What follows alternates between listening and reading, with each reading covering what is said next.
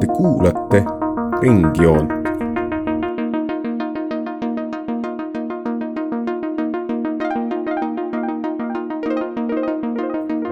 joon ringis. tervist, kallid Ringjoone kuulajad, mis iganes päevaajal te seda saadet kuulate. me alustame nüüd Ringjoone mälumänguga, kauaoodatud sündmus ja te saate ka osaleda kodudes ja autodes ja kus iganes te seda saadet juhtute kuulama. ja meil on äh, siin kaks tiimi, kes vastavad küsimustele, mille me oleme palehigis äh, viimasel hetkel kokku pannud, nagu alati. et osad küsimused on täitsa ahjusoojad. meil äh, minu vasakul käel istub tiim Noorliha, kelle liikmed on Karl tere kõigile. ja Richard ja tere ka minu poolt. ja minu paremal käel on tiim Vana Pekk, kelle liikmeteks on Saskia tervist. ja Jan-Lukas. pekki juba liiga palju. ja, ja modereerib seda saadet Kaili. nüüd äh, selle mälumängu ülesehitusest meil on kaheksa küsimust ja kõigepealt vastab tiim Noorliha. meil on valida kaheksa teema seast. teemadel on nimetused, ma loen need ette ja siis te saate valida mingi teema ja siis ma loen selle küsimuse ette ja siis kui teie seda ära ei arva, siis äh, saab vastata teine tiim ja siis järgmine küsimus on vastupidi. nii et teemadeks on linnad, referendum, monarhiad, Hiina, katoliiklus, monumendid, jalgpall ja kodusõda. ma võin äh, uuesti ja rahulikumalt ka lugeda, kui te tahate. aga kui teil juba mõte tuli, siis on väga me hästi. vist juba teame, Karl, mis me võtame. alustame katoliiklusega. katoliiklus sada, palun. suure, suurepärane valik. selle küsimuse on teinud Philipp, esimene vihje. juba on, juba on raske noh. mitte katoliiklased, vaid juudid. Philipp ei kõla väga.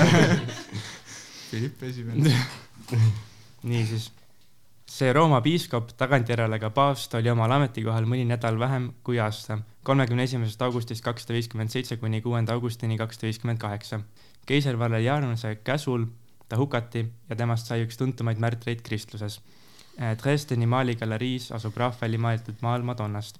tuntud on ka sellel maalil küll väikesed armsad inglid maali alaosas, kuid Madonna kõrval seisavad ka püha Barbara ja küsitud paavstist Märter kuna meie küsitav isik on sellel maalil kujutatud ja maal, maali esimene kasutus oli San Sisto de Piacenza kloostris, siis kutsutakse ka maali tema järgi, sest tema nimi tähendab kuuendat ladina keeles või raseeritud kreeka keeles. ta oli teine sellise nimega paavst. mis paavstiga on tegu?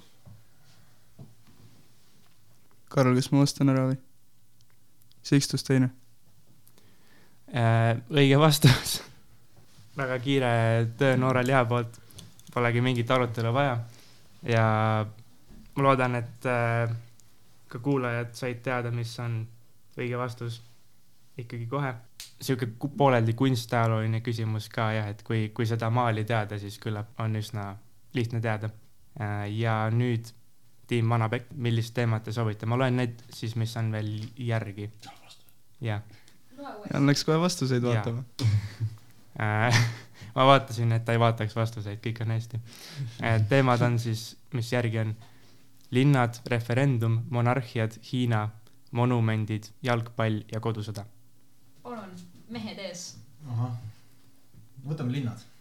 linnad, turvaline. nii, midagi võiks ju linnastumisühiskonnast ju. me elame ühiskonnas. me elame linnas me. elame me linnas. elame linna, me elame linnaühiskonnas. jah. nii. küsime linna, mida esmakordselt asulana mainiti tuhande neljasaja viiekümne üheksandal aastal.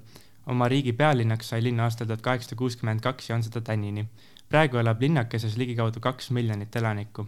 tänu oma elegantsele arhitektuurile ja peenutsevale eliidile teenis linnake pea sada aastat tagasi välja hüüdnimed Väike Pariis ja Pariis idas.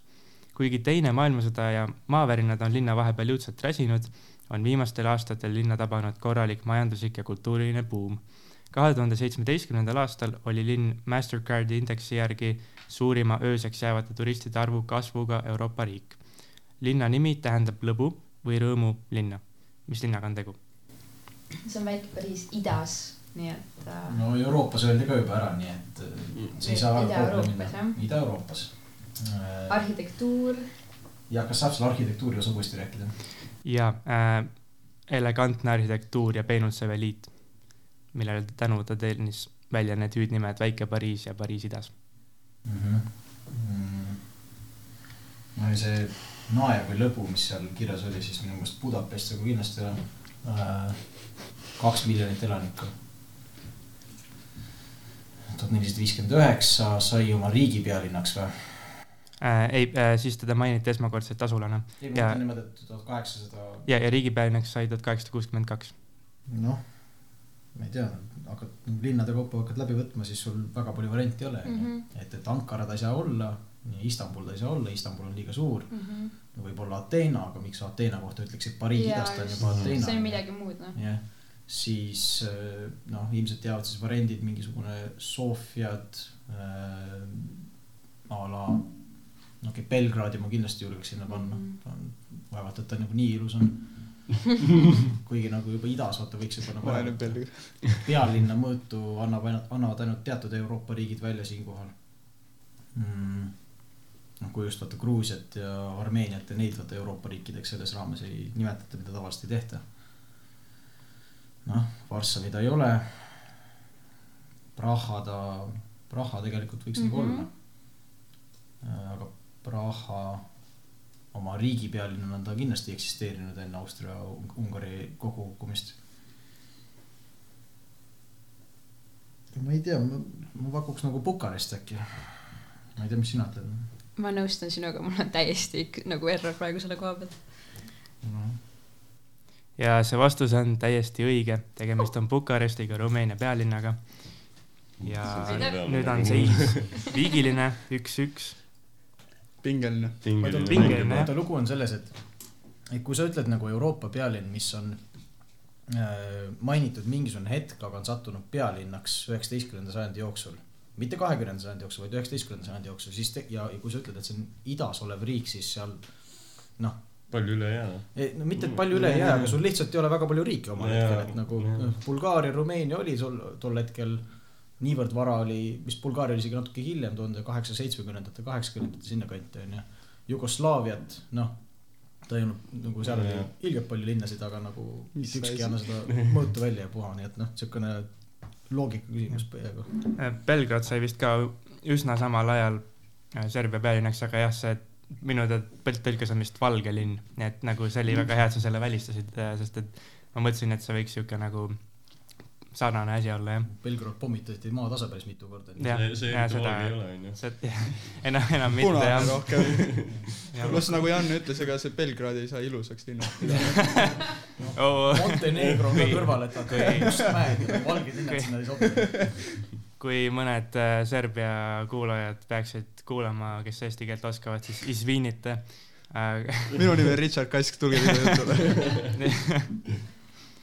jaa, aga jah, liigume siis järgmise küsimuse juurde. ja sellele saab esimesena vastata tiim Noor Liha jällegi ja järgi jäänud, jah, järgi jäänud teemad on referendum, monarhiad, Hiina, monumendid, jalgpall ja kodusõda. meeldib jalgpalli mängida. mängida meeldib, aga vastata ma küll väga ei oskaks sealt. või sa oskaks või? ma ei tea, mul jalgpallitrivi on. No okei. no arvestades, ma ikkagi hõikan siin ka välja, et ma tegin täna sellise vägeva asja nagu keskaja eksam, nii et mul on monarhiatega nagu päris hea hoog sees. me võtame need monarhiad siis ära. ja äh, tuleb monarhia küsimus. Suurbritannia ja Põhja-Iiri Ühendkuningriigi kuninganna Elizabeth Teine sai sel aastal üheksakümne viie aastaseks. Elizabeth, palju õnne talle. palju, palju õnne ka RSR arvestub. elagu. jah, elagu. Elizabeth omandas oma hariduse enamjaolt eraõpetajatelt, nagu oli Briti kuninga peres traditsiooniks. kuninganna õppis põhiliselt ajalugu, keeli, kirjandust ja muusikat. küll aga omandas ta tuhande üheksasaja neljakümne viiendal aastal ka ühe kutseoskuse. millist ametit õppis kuninganna Elizabeth Teine? mulle Kutse tundub, et sa võiks teada, see on see, keegi saatis sinna RSR-i sinna grupi chati selle autojuhi selle, et ta sõitis selle truck'iga. Ja mis aasta see oli, millal aa, see- sest et sõja ajal. ja ta omandas selle kutse, selle autori ja, ja, ja, kutse. ja, ja, ja. kas on tegemist õige vastusega? kas äh, kas tahate natuke jah, täpsustada seda vastust? see, ja kui noh, jah, täpsustage veidi seda vastust. mi-, mi-, millist, mis aspekti see et- ma, ei saa nagu aru. mis see täpne, mis see vastus oleks, mis te mis tahaksite kutse ta? omandas? jah, mis sa tahad, mingi C-kategooria auto või vaata. okei, nüüd, nüüd võib äh, vist õigeks lugeda jah Veo, äh, veokijuht ja veokimehaanik, nii et äh, tem-, nii et Elizabeth teine õppis sõjaväes täpselt sama ametit, mida mina õppisin. on tore olla tema ametikaaslane. ja ajad on Kolleeg. teised, aga mõned asjad ei muutu. tundub, et me oleme veidi liiga lihtsad küsimused pannud seekord, et äh, nagu üldiselt äh,, üldiselt ikkagi, kes on käinud RSR-i mälumängudel, siis äh, meil on äh, olnud tiime, kes ei saa nagu peaaegu üldse punkte seal ja, ja siis ongi vahepeal see tunne, et äh, kahju hakkab kuidagi. et, et ei taha nagu panna mingeid täiesti X küsimusi mingite Kagu-Aasia riikide kohta, millest väga keegi ei tea ainult. Saskia teab, aga no vot, aga meil on siin eksperdid koos ja selle üle on väga hea meel. esiteks veel ja teine asi on see, et lihtsalt, et me pole piisavalt kaugele jõudnud, kolm küsimust, kolm küsimust on alles läbi, nii et nagu ei saa öelda, et kõik absoluutselt. ja nüüd ongi teil kõik võib veel võimalus, muutuda. jah, teil ongi nüüd võimalus seis vigistada taas ja teemad, mis on järgi, on referendum, Hiina monumendid, jalgpall ja kodusõda. no ma panin selle Hiina ära ja teeme Jaa. nüüd nii, et hästi piinlikult ma ei oska vastata. China number one. Nii. maa. laogan ma. tegemist on aasta küsimusega. aga ma usun, et kes teab ajalugu ja jällegi loogika küsimus, mõtleb täitsa välja selle. kui te arvate ära täpselt õige aasta, saate kaks punkti, panete ühe aastaga mööda, saate ühe punkti ja kui panete kahe aastaga mööda, saate pool punkti. Pärast Hiina Kommunistliku Partei esimesi valitsusaastaid Tiibetis hakkasid Tiibeti rahva seas levima kuulujutud, et partei soovib Tiibeti neljateistkümnenda Dalai-laama röövida või tappa. selle ning kommunistliku partei võimu all tunduvalt halvenenud elutingimuste tõttu hakkas rahvas mässama. partei võim oli ülekaalukas ning sündmuse lõpupoole otsustas Dalai-laama koos oma vaimulikest koosneva lähikonnaga Tiibetist Indiasse põgeneda. Dalai, Dalai-laama oli sellel ajal kahekümne kolme aastane. mis aastal põgenes praegune Dalai-laama Indiasse? Paberit saaksin või? saab küll jah? kahekümne kolme aastane küll lahkuti. jah, no mina mäletan, on siukene film olemas. Seven Years in Tibet. kaunis film, kaunis film. Brad Pitt, kaunis Brad Pitt, Brad Pitt on ka väga kaunis. kaunis mees, kaunis kaunis film. mees, kaunis film, absoluutselt. okei, sellest on nüüd mõnda aega möödas siis, kui ma seda filmi nägin, aga minu meelest eh, noh, okei, et seal ta sai minu meelest nagu noore Dalai-laamaga sai ta kokku. ja see oli neljakümnendatel.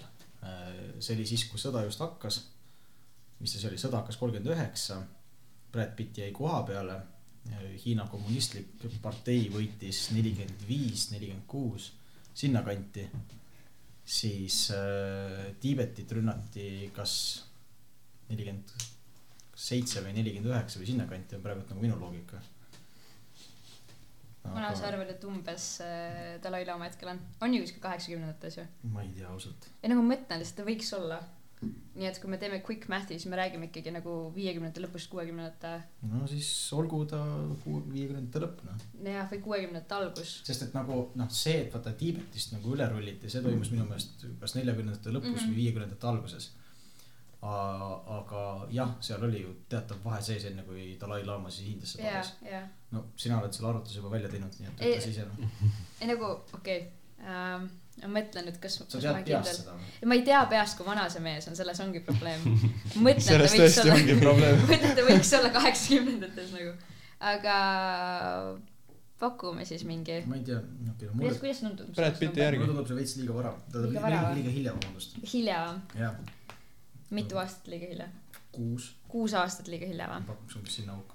um,? okei okay., aga nagu noh, ma tõesti ausalt ei mäleta no seda. sina oled ajaloolane, vot selles on asi, mina teen lihtsalt arvuti. kuidas sina oled Hiina teadlane? ma võin rääkida, ma ei räägi aastaarvudest, mind need väga ei huvita, sellepärast ma ei õpi ka ajalugu uh. vale seltskond. Vau, väga õige. tänan.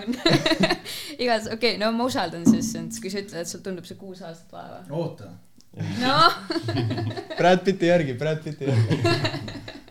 ei no Dalai, Dalai-laama oli kakskümmend kolm siis, kui ta põgenes jah? jaa, see on see, mis ta ütles meile. jaa, ta ei põgenedes kahekümne kolme no aastane. siis see peab olema natuke hiljem, lihtsalt et nagu noh, okei okay,, ma nüüd tõesti tuletan seda ainult selle Seven Years of the Getiga. aga nagu, aga nagu see näitleja, kes iganes mängis Dalai-laamat, oli nagu see väga noor oli. ta oli mingi decent kuuene. räägi mulle, kuidas kinod töötavad, onju. et nagu või mis iganes see oli. You are a smart man. okei No,, ma arvan, ma panen maksimaalselt kolme aastaga mööda tema vanuse osas, nii et pakume mingi tuhat üheksasada, oota kaks punkti saime mööda panna, siis me pool punkti endiselt nemad ise vastata um,. Okei okay., ütleme tuhat üheksasada viiskümmend seitse. jaa, te saitegi pool punkti ja teil on siin paberil, mulle tundub kirjas täpselt õige vastus. päriselt või? tuhat üheksasada viiskümmend üheksa. no tuhat üheksasada viiskümmend üheksa oli et- kirjas jah? jah. päriselt kaheksakümmend viis või, kurat. millal Dalai-laama Eestis käis? mingi üheksakümmend. ei, Ei, ei, ei, ta käis kaks korda üheksakümnendatel ja mingi kümme aastat tagasi ka. jah. Mhm. ta käis Tartus ka, ma mäletan, mingi hetk. üheksakümnendatel ta käis isegi Pühajärve ääres, Juu. seal on see, märk või? jaa, märk on maas, võtate jaa, jaa, jaa, jaa, mäe otsas. jaa, jaa, Dalai-laama kennis. aa, nii jah. kas te mäletate neid teemasid või juba tuli nagu mingi idee, mis teemat tahate? järgi, järgi on siis referendum, monumendid, jalgpall ja kodusõda. kas kodusõda on lihtne, Jugoslaavia kohta? see on Harald, see on Bosnia, kümme kümnest. aga võtame ära, vaatame. võtame ära ja. see ikkagi ei ole Bosnia, aga Kaukaas. Spoilers. õnneks küsimus pole riigis, nii et kõik on väga hästi. tuhande üheksasaja üheksakümne seitsmenda aasta jaanuarist augustini toimus Albaanias erinevate hinnangute järgi kodusõda, kodusõja lähedane olukord või anarhia seisukord. jaanuaris algasid massirahutused, mis kasvasid järgneva paari kuu jooksul üle sõjaliseks konfliktiks. valitsuse poolel oli Demokraatlik Erakond ja ülestõusnute poolel Sotsialistlik partei. verevalamises hukkus üle kahe tuhande inimese, sadu tuhandeid albaanlasi põgenes riigist, peaasjalikult Itaaliasse. sõja suutis juulis lõpetada ÜRO rahvusvaheline rahuvalvemissiooni sekkumine, rahvusvahelise rahumissiooni, rahuvalvemissiooni sekkumine.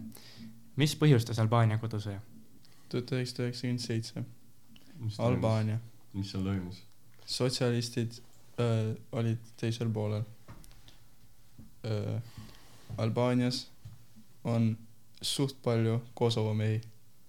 äkki Kosovo mehed tahtsid Kosovot teha või ma ei tea, mis sa arvad? sinu mõttekäik? hmm,. see Kosovo asi tundub nagu väga sihuke. ma ei usu, et nad mõtlesid, et noh, et meenutaks vanu häid aegu Itaaliaga ja tõmbaks nagu, paneks leivad ühte kappi, aga ja ma ei usu, et nad nagu noh, seda noh, kommunismi oleks tahtnud ka hakata ehitama nagu. enne seda olid mõned kehvad nagu näited vi- viimasest ajast, et ma ei tea, mina pakuks seda, et äh, oota, kuidas see küsimus täpselt sõnastatud oli? ja et mis põhjustas Albaania kodusõja? või noh, otsime siis nagu seda peamist põhjust. Kosovo kodanikud pakuks mina, no muidugi kodanikud ei ole terminoloogiliselt õige, aga noh, kosovolased pakuks mina, et Kosovos, kosovolased jah, tõusid üles jah, mm,. Pole väga Albaania entusiast, et äh, ma mis arvan, et mõte? ma tean, et nad võivad su autoraadio ära võtta, aga see on kõik äh,. ma arvan, et jaa, laseme sinna. annan green light'i enda poolt. ehk et ko-, kosovolased põhjustasid, kosovolased põhjustasid Albaania kodusõja. Albaania kosovolased põhjustasid Albaania kodusõja, jah. Äh, see ei ole õige vastus. nii et nüüd on võimalik vastata tiimil Vana Pekk. kas sa kordaksid korra seda? jaa, kas mul on otsast äh, peale siis või Jah,? Sometimes uh, always win. always win. ol-, vahel kaotad, alati võidad. tuhande üheksasaja üheksakümne seitsmenda aasta jaanuarist augustini toimus Albaanias erinevate hinnangute järgi kodusõda, kodusõja lähedane olukord või anarhia seisukord. jaanuaris algasid massirahutused, mis kasvasid järgneva paari kuu jooksul üle sõjaliseks konfliktiks. Valitsuse poolel oli Demokraatlik Erakond ja ülestõusnute poolel Sotsialistlik partei. verevalamises hukkus üle kahe tuhande inimese, sadu tuhandeid albaanlasi põgenes riigist peaasjalikult Itaaliasse.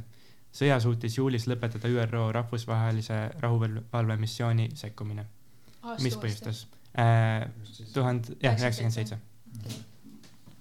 Okei, esimene äh, kirves noh. Jan, mis aastal sa sündisid? Kaheksa. siis sa ei tea. ei, ma olin, ma olin sellest kuulnud siis, kui ma veel ema üsas olin. aga no okei okay., enne seda KFOR-i veel ei olnud, ehk siis Kosovo missiooni veel NATO poolt ei olnud tekkinud. Bosniast olid üle rullitud ja siis oli seal, see genotsiid oli põhimõtteliselt juba korda saadetud. see oli üheksakümmend neli. üheksakümmend seitse ütleks nagu praegult loogil, loogika, et, et, et see oli ikkagi rohkem nagu Albaania sisekonflikt ja Albaanias, ärme unusta, oli nagu olukord ka see, et ta oli üks kõige nagu siuksem noh, ära peidetumaid sotsialistlikke riike tegelikult Euroopa noh, platsil. et, et Jugoslaavia oli selline suur volask, vaata, mis nagu oli väga segane, aga nagu samas sa saad nagu suhteliselt nagu ikkagi aru, et kus kohas see noh. noh, ütleme niimoodi, et nende juhtkond oli piisavalt suur, et nagu Euroopa pidas neid tähtsaks. Albaania oli umbes nagu Euroopa Põhja-Korea, et nagu, ehitasid punkreid. Potša jaa. võim, Nad, nad olid nagu ülimalt. andekad selles. jah, nad nagu. et on sadu tuhandeid vist seal või mingi täiesti absurdne hulk nii väikse riigiga.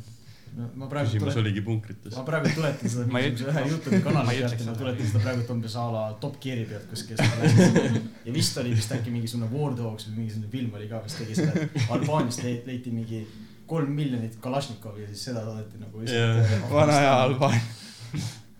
aga, aga nagu ma arvan, et äh, ma julgeks pakkuda, et see vastus tegelikult peitub selles küsimuses. et äh, tegu on äh, siis vanakooli sotsialistide mingil määral nagu mitte just ülestõusuga, aga siukse tugevama, tugevama poliitilise murdepunktiga, kus kohas siis oli siis enam nagu ütleme siis transition government või, või nagu üheksakümnendatel Albaaniasse vaikselt nagu liberaalsemaid jõude nagu toonud äh, ma ei tea, poliitiline partei siis hakkas nagu, oli võimul ja siis sotsialistlikud noh, ütleme, tagasipöörajad siis nagu tahtsid seda asja nagu enam-vähem tasandada. Kosovo küsimus tol hetkel ei saanud olla väga nagu aktiivne, see tekkis, see muutus aktiivseks alles kahe aasta pärast. ja, ja Jugoslaavia oli selline no Albaania ei olnud kunagi nagu väga tugevalt Jugoslaaviaga seotud, nii et mina pakuks, et see on nagu kodusõda kõige oma ehedamas vormis, et lihtsalt tekkisid ideoloogilised vastuseisud, mis siis nagu lõpuks välja arenesid sellest, ma ei tea, mis sina ütled. ma usaldan sind, aitäh. olgu. ja see vastus ei ole ka õige. õige vastus on hoopis see, et Albaanias- Itaaliaga või? äh, seda ka mitte Ah. äh,. Lugu oli siis selline, et äh, ma isegi juhtusin ühte podcast'i kuulama selle kohta hiljuti ja Albaania kui just postsotsialistlik ühiskond, inimesed ei teadnud väga, kuidas käituda rahaga ja siis äh, ja siis äh, Albaanias kohe, noh muidugi alati on need mõned inimesed, kes täpselt teavad, kuidas käituda rahaga ja siis avastavad, et neil on hästi hea olukord. Eestis oli sarnaseid asju, eks ole. ja mis juhtus Albaanias täpsemalt, oli see, et äh, äh, hakkasid äh, levima püramiidskeemid, kus äh, see ongi see vastus. minu lemmikskeemid. et jah, et äh, ja põhimõtteliselt äh, see nagu eskaleerus ajaga, inimesed, kes just olid sattunud äh, kapitalistlikkusse ühiskonda, arvasid, et see on väga hea viis raha teenida. aga osutus nii, et tegelikult enamike jaoks ei olnud ja siis äh, vihkan, kui see. Ja siis äh, tulemus oli see, et äh, jaanuariks tuhat üheksasada üheksakümmend seitse olid Albaania elanikud kaotanud kokku üle ühe koma kahe miljardi USA dollari ja albaanlasi on umbes kolm miljonit, nii et kiire matemaatika ja see teeb keskmiselt nelisada, neli, nelisada dollarit inimese kohta. ja kui mõelda, et äh, noh, sellel ajal, ma täpseid numbreid kahjuks ei leidnud, mis Albaania keskmine palk sellel hetkel oli ja kuidas see nagu, aga igal juhul see oli kindlasti nagu väga ma arvan, et kindlasti mingi mitme kuu palk inimestele Mhm. keskmiselt. ja siis jah, inimesed läksid tänavatele ja, ja siis algaski sellest, kuigi nagu jah, osaliselt on tõsi, et noh, see, selles mõttes, et noh, sotsialistlik partei läks ülestõusnute poolele, aga see ei alanud, asi ei alanud üldse sellest äh, poliitikast nii et nii-öelda. nii et siis ma ei saanud seda õigeks lugeda. aga jah äh,. Nice. cool. Odav koht, kuhu minna too. jah, ilus ka. Jah. punkreid punkrid vaadata, noh. jah, praegu siis äh, tasub seis üle öelda. noorel lihal on kaks punkti ja vanal pekil poolteist punkti. ja nüüd, kui ma õigesti mäletan, on vana peki kord äh, öelda teema ja vastata esimesena. alles oli veel referendum, monumendid ja jalgpall. Jalgpalli me kindlasti ei võta ei, um,. nii et monumendid, referendumid, pigem referendumid minu meelest. davai, lähevad referendumid mm. -hmm.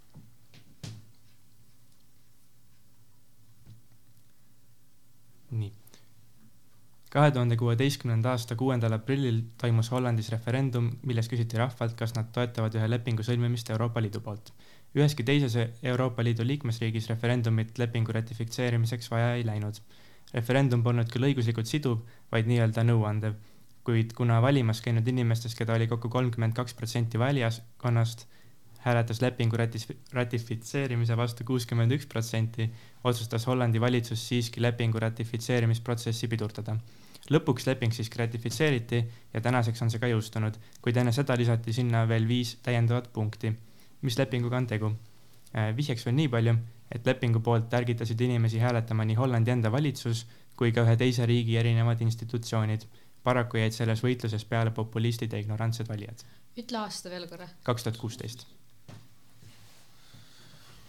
no selgelt on tegu migrandikriisi ta- Jah. taustaga, jah, et kaks tuhat viisteist, kaks tuhat kuusteist, Mhm, mhm. mil noh, toimus see suur, ütleme siis ja Holland võib see vabalt olla, sest nemad olid suht vastu ka minu arust. ja ei, Hollandis on mol- paremäärmuslik partei on Jaa. vahepeal võimul olnud Jaa. et, et nagu nende puhul ma ei imestaks, kui sihuke nagu ja no ma ausalt nagu Hollandi sisepoliitikat praegu ei tunne, aga, aga nagu referendumite nagu ajamine on suhteliselt siukene noh, populistide nagu ma värk. tean, mul lihtsalt oli Euroopa Liidu sissejuhatus just ja meil oli just see vali, valimiste tegemine selle migrandikriisi teemal ja seal nagu Netherlands oli nagu mega selline ähm, vastu. et see võib nagu täiega olla sinna teemasse küll jah nii, aga sa tead midagi äh, täpsemalt? täpsemalt ma ei tea, sest ma ei olnud äh, Holland, kahjuks ma olin Ungari, mis oli väga põnev. Mhm.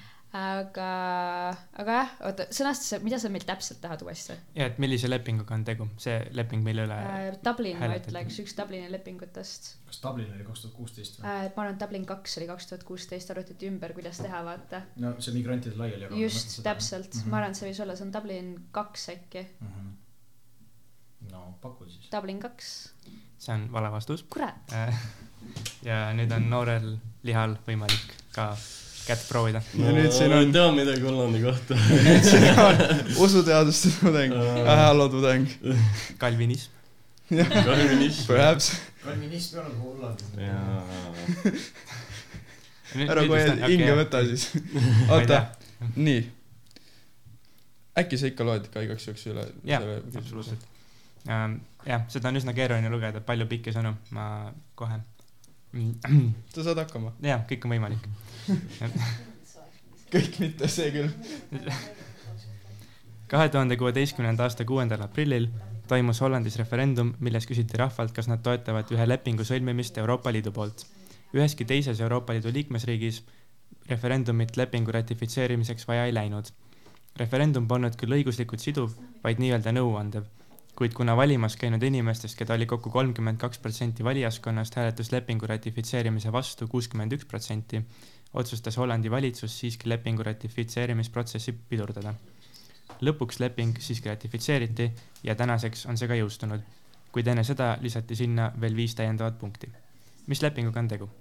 vihjeks veel nii palju, et lepingu poolt ärgitasid inimesi hääletama nii Hollandi enda valitsus kui ka ühe teise riigi erinevad institutsioonid. paraku jäid selles võitluses peale populistid ja ignorantsed valijad. minu pea on tühi. sinu pea? Nagu kirikukell. oi, oi, oi. oi, oi, oi.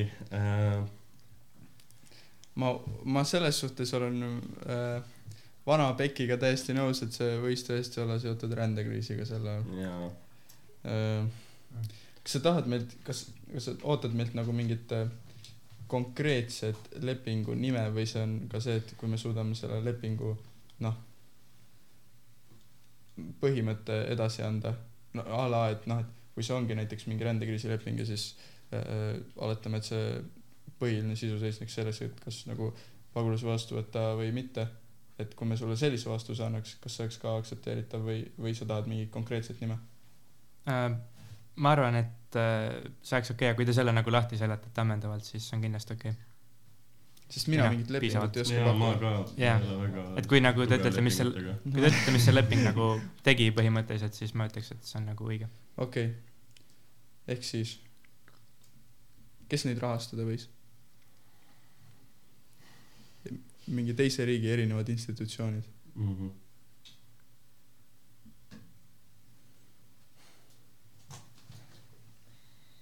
ma ei tea. Paku midagi lõbusat vähemalt. teeme mingi lõbusa pakkumise, Karl on siuke lõbus mees. Ehm, hmm.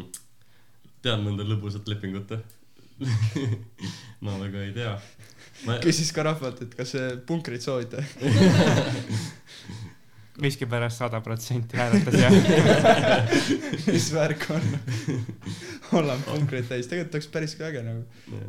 Kuskilt vaatamisväärsest, vaatamisväärsest ja, ja, ja, ja. tulbi tulbi põlve, välja, jaa. nende tuul, tuuleveskid tasemele punkrid ja, ja, ja tipud maha ja. vaatame korra sellest pagulaskriisist ümber, mingi kliimaga ei saa see seotud olla, kindlasti mitte onju. sest jah, teised tegid ka, ma arvan, analoogseid mingeid lepi- või noh, referendumeid mm.. terrorism, ei, mis sa tead nende, ei tea, et oleks jaa, uh,. ma, ma, kusjuures mul on nagu mingi pilt ees, nagu ma oleks äh, lugenud kunagi mingit artiklit, kus äh, on siis põhjendatud, miks uh, justkui see oleks enam-vähem samast ajast, miks mingid vanad uh, hollandlased arvasid sellest nii, nagu nad arvasid. populistid. Äh, ei noh, kui sul mingid, kui sul mul mul, mul, mul ei tule mitte midagi mul, ka ei ole mitte midagi. ütleme siis lihtsalt, et äh, Tegid- äh, tegid referendumi uurimaks, kuidas äh, rahvas suhtub mm,, mingi tore päevakajaline teema. ma vormistasin küsimuse ära, nüüd sa lihtsalt ütle nagu sõna sinna juurde, et kuidas rahvas suhtub millesse. okei, ma arvan, et migrandikriisi see, see ei ole õige onju. ei, aga, ei, aga tegelikult ütleme, et äh, ütleme kuidas ära. rahvas suhtub migrandikriisi, sest kui ta ütleb, et see on nagu sihuke, sest kui, kui ta ütleb, et nagu täiendage, siis me teame, et me oleme õigel teel, vaata. nii et ma ütleks, et äh, referendum tehti, et kuidas rahvas suhtub migrandikriisi.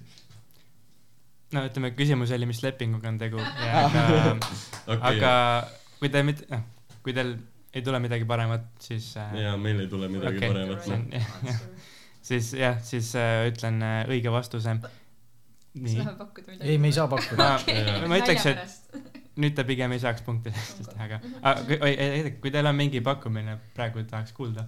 no oota, kas saad öelda, millal täpsemalt kaks tuhat kuusteist see asi nagu ja kuuendal aprillil oli see referendum. no see oli vahetult enne Brexitit, et see nagu Brexit pigem andis nagu just nagu hagu vaata nendele kõikidele exit Jaa. movement itele onju, aga nagu enne seda Hollandis kindlasti oli ka seda laadi nagu liikumisi.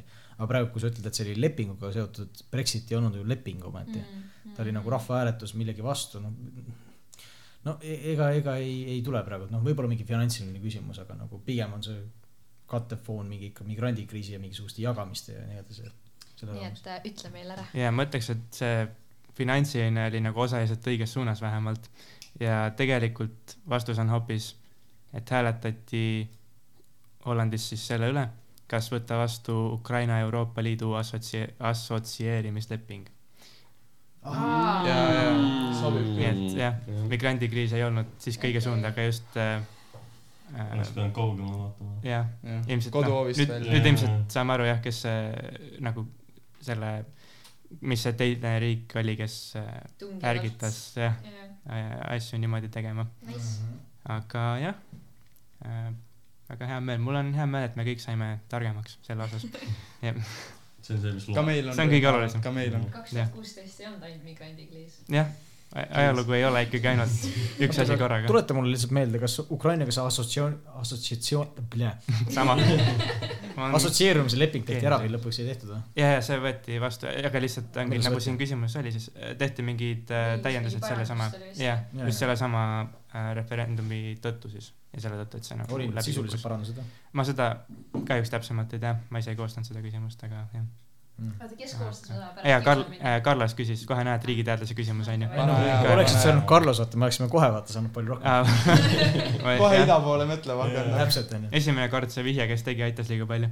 aga, aga jah, nüüd siis lähme seitsmenda küsimuse juurde. seis on endiselt noor liha kaks, vana pekk poolteist. ja mõlemad saavad veel ise ühe küsimuse valida. nii et mul, mul on idee, et ma pole jah, kaua monumendid trenni jalgpall teinud., mõtlesin jalgpallile siin, et Lähme jalgpalli, lähme jalgpalliga ja, ja, ja. jalgpalli küsimus. tuhande üheksasaja seitsmekümnendal aastal toimus jalgpalli mm esmakordselt Mehhikos. tegemist oli mitmest aspektist erilise turniiriga. tegu oli esimese jalgpalli MM-iga, mis ei toimunud Euroopas või Lõuna-Ameerikas. ühe mängu kohta löödi seitsmekümnenda aasta turniiril keskmiselt kaks koma üheksakümmend seitse väravat, mis oli siiamaani, mis on siiamaani MM-ide rekordiks. Brasiilia tuli sel turniiril kolmandat korda maailmameistriks, tänu millele said nad senimaani MM-idel kasutusel olnud Jules Rimet karika jäädavalt endale järgmistel MM-idel kuni tänase päevani on, on olnud kasutusel veidi igavama nimega FIFA maailmameistrivõistluste karikas. samuti oli seitsmekümnenda aasta suurturniir oluline seetõttu, et esimest korda MM-ide ajaloos oli kasutusel üks reegli uuendus, ilma milleta me tänapäeval enam profijalgpalli ette ei kujutaks. millise uuendusega oli tegu? Oota nii, aasta tuhat üheksasada seitsekümmend Mehhikos jalka mm Mhm. ja võeti kasutusele siis mängu, mängureeglite seas või lihtsalt mängukorralduse seas või nagu, jah, kus see, see kus oli see, muudatus võeti vastu? see oli jah, üks ähm, ütleme täiendus ähm, reeglistikku, mis äh, muutis mingil määral mängu, mis muutis jah, jalgpalli Okei. ja no vihjeks võib veel öelda, et ähm, et see muudatus tuli esimest korda Inglise liigades kuuekümnendatel aastatel kasutusele, lihtsalt see oli see esimene maailmameistri võistlus, kus oli see muudatus ka siis sees. kui ta nüüd ütleb Inglise liigas, siis ma ei tea, muidu ma oleks pakkunud, et võib-olla hakati hümne laulma. Aga hümni laulmine on siuke, ma arvan, et alati olnud õige. no ma pole nii vanemat jalgpalli nüüd nii palju näinud, ja, ja. kaks tuhat üks mees ikka, aga, aga mis seal reeglid veel võisid muutuda? kaarte või ma ei, ma ei tea, kas alati on olnud kollane ja punane kaart. võib-olla on vähem kaarte olnud jaa, mm,. see kuradi, kui kaitseliinist äh, aa, sa mõtled äh, suluseis, jaa, suluseis. see on tegelikult päris aus, sest seda ja, ja, ja sest seda, sest seda alguses ei olnud kindlasti mm. mm. -hmm. sulu, suluseis on päris, päris hea. pakume selle või? me pakume suluseis ja, ja, ja loodame, mul on väga palju jalgpalluritest sõpru, et nad kõik nüüd saavad mulle uhked olla, et see on õige vastus. On kahju, aga see ei ole õige vastus. kurvastage ma ei oska peast öelda, millal suluseis tuli, aga ma olen suht kindel, et see oli alguses. tunduvalt varem. jah, jaa. ja noh, viieks võib veel öelda, et see oli just see mm, kus löödi kõige rohkem väravaid. ja noh, et jah, tähendab ei, ma ei ütle seda järeldust, aga jah, just. ühesõnaga, see ei olnud see muudatus, aga nüüd on võimalus vanal Pekil ka proovida. no ma ütlen, mina hakkasin kohe mõtlema nagu mingi vägivalla kasutamisele, et mis see on see kollane ja punane kaart, et mida nagu tähendab see, et sa teist nagu kuidagi ründad, aga Janile see vist nii väga peale ei läinud. ei, ma ei usu sellesse. minu meelest äkki kahe vea nagu tegemine on suht ammusest ajast juba jalgpallis sees. vahetused on ka jalgpallis juba suhteliselt pikalt sees olnud ja nagu ja nagu kui ma mõtlen nagu suuremate arengute peale, mis toimus jalgpallis, siis see toimus viiekümnendatel, kuuekümnendatel oli nagu Budapest ja, ja Praha ja vaata nagu see noh, Donau ümbrus oli suhteliselt nagu tugevalt esindatud nagu siuke just nagu Jaa. arendajad, vaata, kes nagu Inglise liigadest panid nagu tugevalt üle. aga ma nüüd nii palju teangi, et, et noh, seitsmekümnendaks aastaks, mis siis nagu hiljem muutus Fifaks.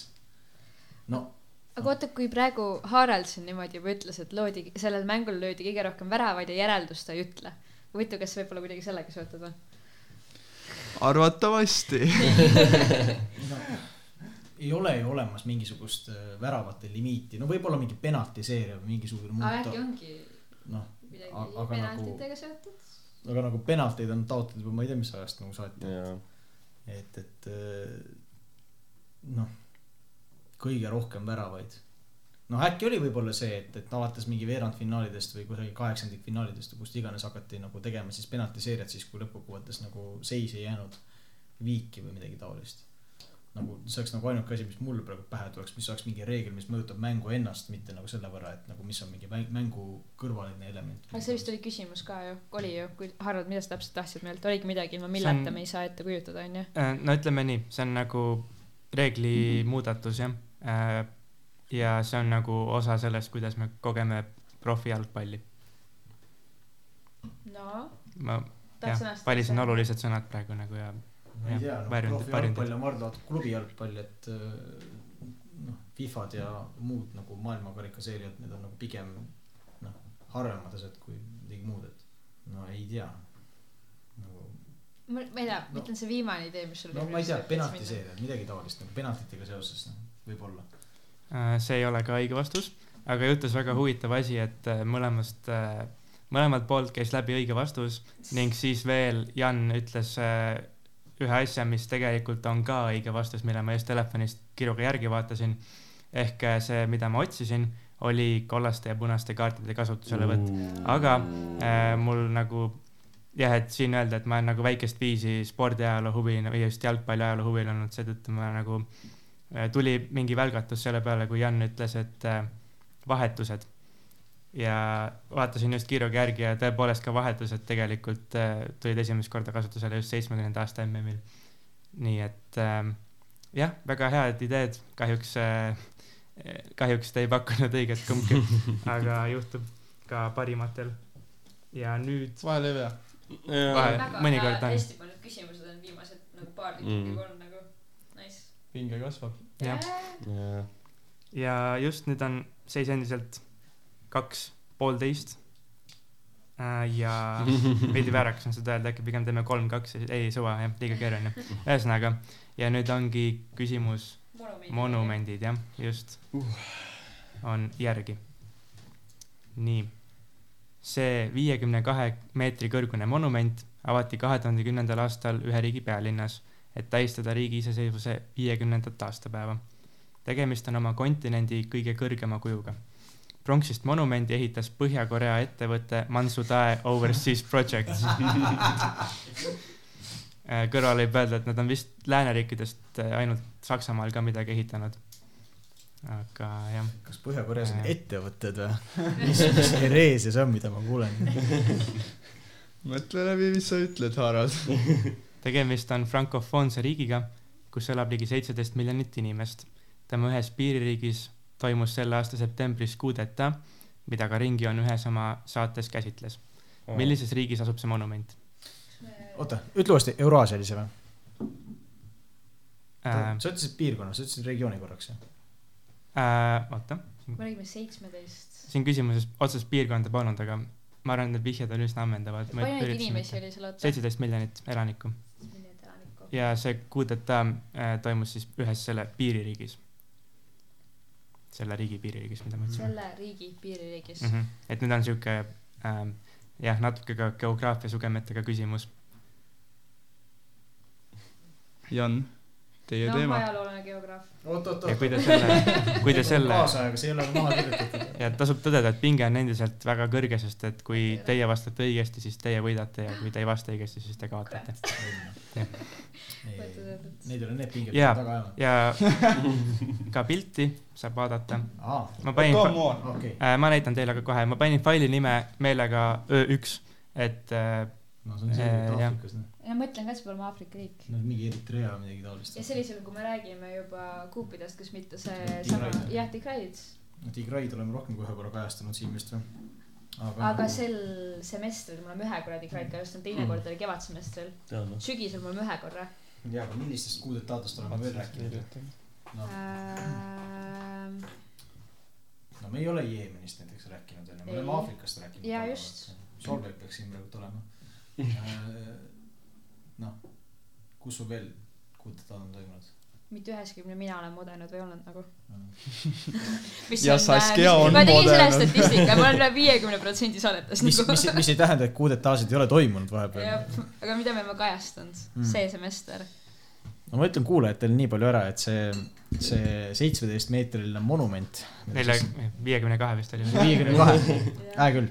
See on ikka massiivne, võib-olla mul oli mõte, et äkki paneksime selle äh, sinna pildiks äh, Jaa, ka ja see siis me paneme Näod, näod ja sinna peale ja No siis see no näeks ma igatahes- võin olla see väike laps siin sules või? ma tahaks olla see väike laps. no väike. igatahes me näeme praegu suurt väikest- järve või mere äärt siinsamas, nii et äh, järelikult nagu on tegu ikkagi mingisuguse mereäärse suurema linnaga Jaa. või, või, või suurema veeäärse suurema linnaga onju.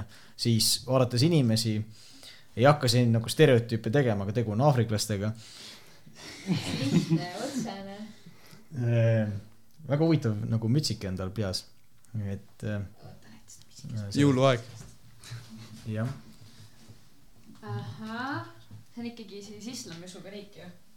vaatasin mitsikest. just need tavaliselt valged ja kootud. no tegu on üdini pruuni monumendiga, nii et sa ei saa eristada, kas see on valge ja kootud või siis see aga on, vaata seda kuju, no mitsikese kuju. nojah, et, et äh, no okei. ei no võib lähme seda Tigrai rada pidi ja võtame ühe no Eritrea ei, no vaata, kui, kui ta oleks siis selle riigi piiririigis, ehk siis tegu on Djiboutiga, vaata. sest et Etioopias, noh, Djibouti on mere ääres. Djiboutis on USA ja Hiina sõjaväebaasid kõrvuti ja minu meelest Djiboutis toimus ka coup d'etat selle aasta kevadel. nii et nagu mina pakuks seda. Kuigi ma ausalt ei mäleta, kas Ringjoon seda kajastas või mitte. ei, aga seal me kajastasime selle riigi, kus toimus kuup selle ja see on selle riigi nagu naaberriik, see oli see küsimus onju. no mitte Just. selles riigis, vaid selle naaberriigis, nii et tegelikult see sobiks. see on pronksist ikka. kui me just ei taha, ei no teine variant oleks Lõuna-Sudaan, aga Lõuna-Sudaanis ei ole ühtegi suuremat veekogu, nii et. davai, paku ära. Djibouti siis sel puhul. See ei ole õige vastus yes.. nii et äh, no võit on meie, Võit vaja ära on- vormistada. võitja on selgunud, aga ikkagi äh, on võimalus teil punktis, punktide vahe suurendada.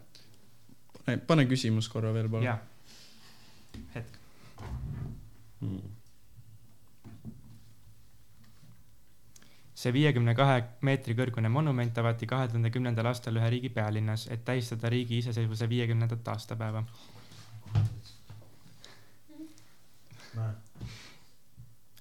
jah, tege-, tegemist on oma kontinendi kõige kõrgema kujuga. pronksist monumendi ehitas Põhja-Korea ettevõte Mansudae Overseas Projects. tegemist on frankofoonse riigiga, kus elab ligi seitseteist miljonit inimest. tema ühes piiririigis toimus selle aasta septembris coup d'etat, mida ka Ringjoon ühes oma saates käsitles. millises riigis asu- asub see monument? frankofoon ehk prantsuskeelne. Jaa, prantsusekeelne. Hmm. jah, no kuju on tõesti kaunis.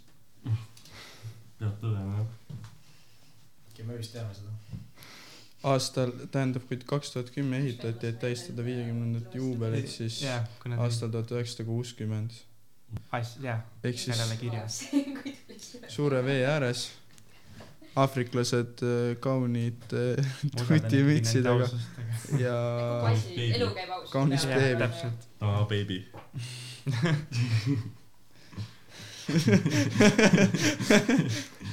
tuhat üheksasada kuuskümmend, jah, prantsuskeelne. prantsuskeelne, nii kujuta ette. kuskil pi-, naabris äh, toimus äkki Põhja-Aafrikas või? ma, ma, ei tea, samas kui arvestades, et see nagu noh, on siin ikkagi nagu Aafrika rass, siis ma pakuks kuhugi lõuna poole äh, mingi tore riik, millel on äh, Mauritaania. oh yeah! mingi tore riik, millel on palju naabreid. kus toimub millal Kongo iseseisvus? mm,, saad ajaloolane. Ma ei ma olen üldajaloos, ma ei ole uusimas. ma ei ole uusimat aega veel võtnud. ja seal naabruses toimus just ja tehti suur kuju ja, ja tehti ringijoone osa, ja tehti ringjoone osa Ja- selle naabrist jah, jah. millest meil on tehtud. okei okay,, ma ei taha samasse auku langeda kuhu. miks te ringjoone loori ei tea, kutid?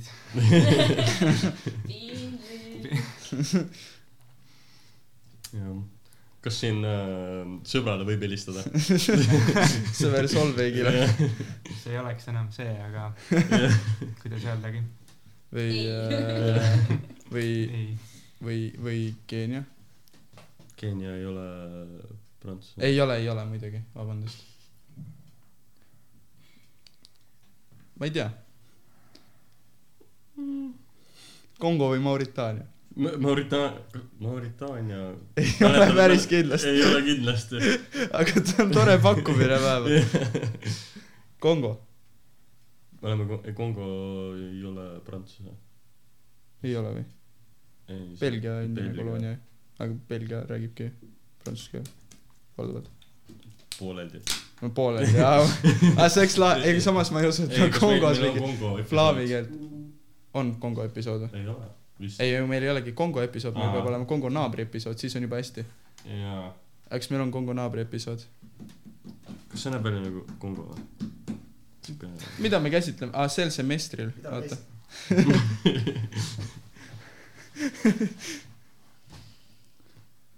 sest Etioopia juures ainult minu meelest see Aa, sama. Djibouti, mida te vist pakkusite, onju. kas nad pakkusid Djibouti või? jah, see vist on, oli seal prantsuskeelne, aga teised on minu meelest mingi seal. elevandiluu ranniku kohta mingi, oleme midagi teinud või? oota, aa, see, kus see äh, Alfa oli? aa, see pole. aa, oota, ei, see on õige vist, oota, oota, kus Alfa oli? kus oli Alfa?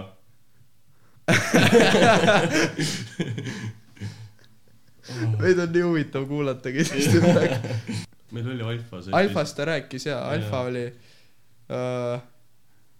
Kambias ei olnud või? ma ei tea, see ei. aga Alfa, ilm, see ilmselt on Alfa.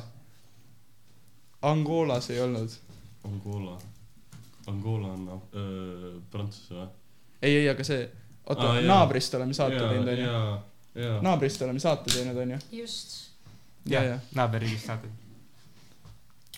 paneme siis Angola. ei, ei, Alfa on Angolas võib-olla siis aga, aga naaber, aga see nagu riik, mida küsib, on naaber. aga Angola naaber on, Angola on portugalikeelne. aga, aga Angola naaber peaks Kongo olema. lähme siis Kong-, Kongo teed või? saadame ära noh. Kongo. äh,. ei ole Kongo, aga ma nüüd võtan veidi aega, et vastuseni niimoodi hiilida, sest siis on huvitavam. et äh, siin käis läbi äh, paar täitsa head pakkumist, te te oleksite peaaegu Mauritaaniat vahepeal pakkunud. see on selle naaberriik, Senegal, noh.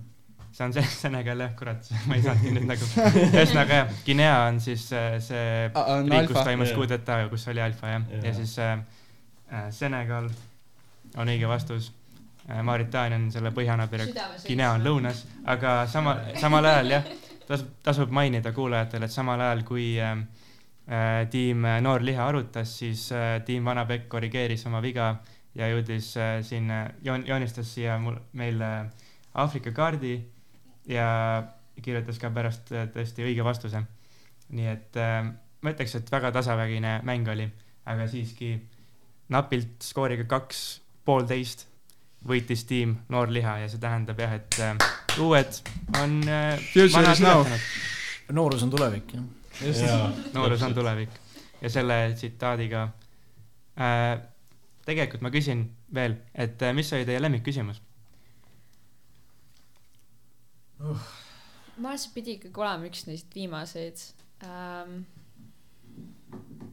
mina ütleks, et minu lemmikküsimus oli kindlasti Albaania küsimus, sest veidike absurdne on mõelda, et äh, terve riik varab, valab verd selle nimel, et äh, keegi ei satuks enam püramiidskeemi. või terve riik sai skämmi terve, terve riik sai skämmi, nagu Rip Oso nagu said skämmi ja jah. see on minu lemmik. Üks hea küsimus oli kindlasti see kahe tuhande kuueteistkümnenda aasta Hollandi referendum. et, et Jaa. äh, see kohe on vaata näha, et mis on nagu inimeste endi peas jookseb sel hetkel, kui kaks tuhat viisteist või kuusteist nagu pähe lükkab, onju, unustades totaalselt ära selle, mis toimus kaks tuhat kolmteist või neliteist. noh, ja, ja nagu teades Euroopa Liitu, et nagu seal ikka kõik asjad nagu nii kohe vaata ei juhtu. tegelikult oleks olnud täiesti loogiline ida ja ma kujutan ette, et osa kuulajad tegid ka sedasama asja, kui nad kohe vaata sellele samale rongile ei hüpanud, kuhu meie, et aa, räägime Brexitist, räägime migrantidest.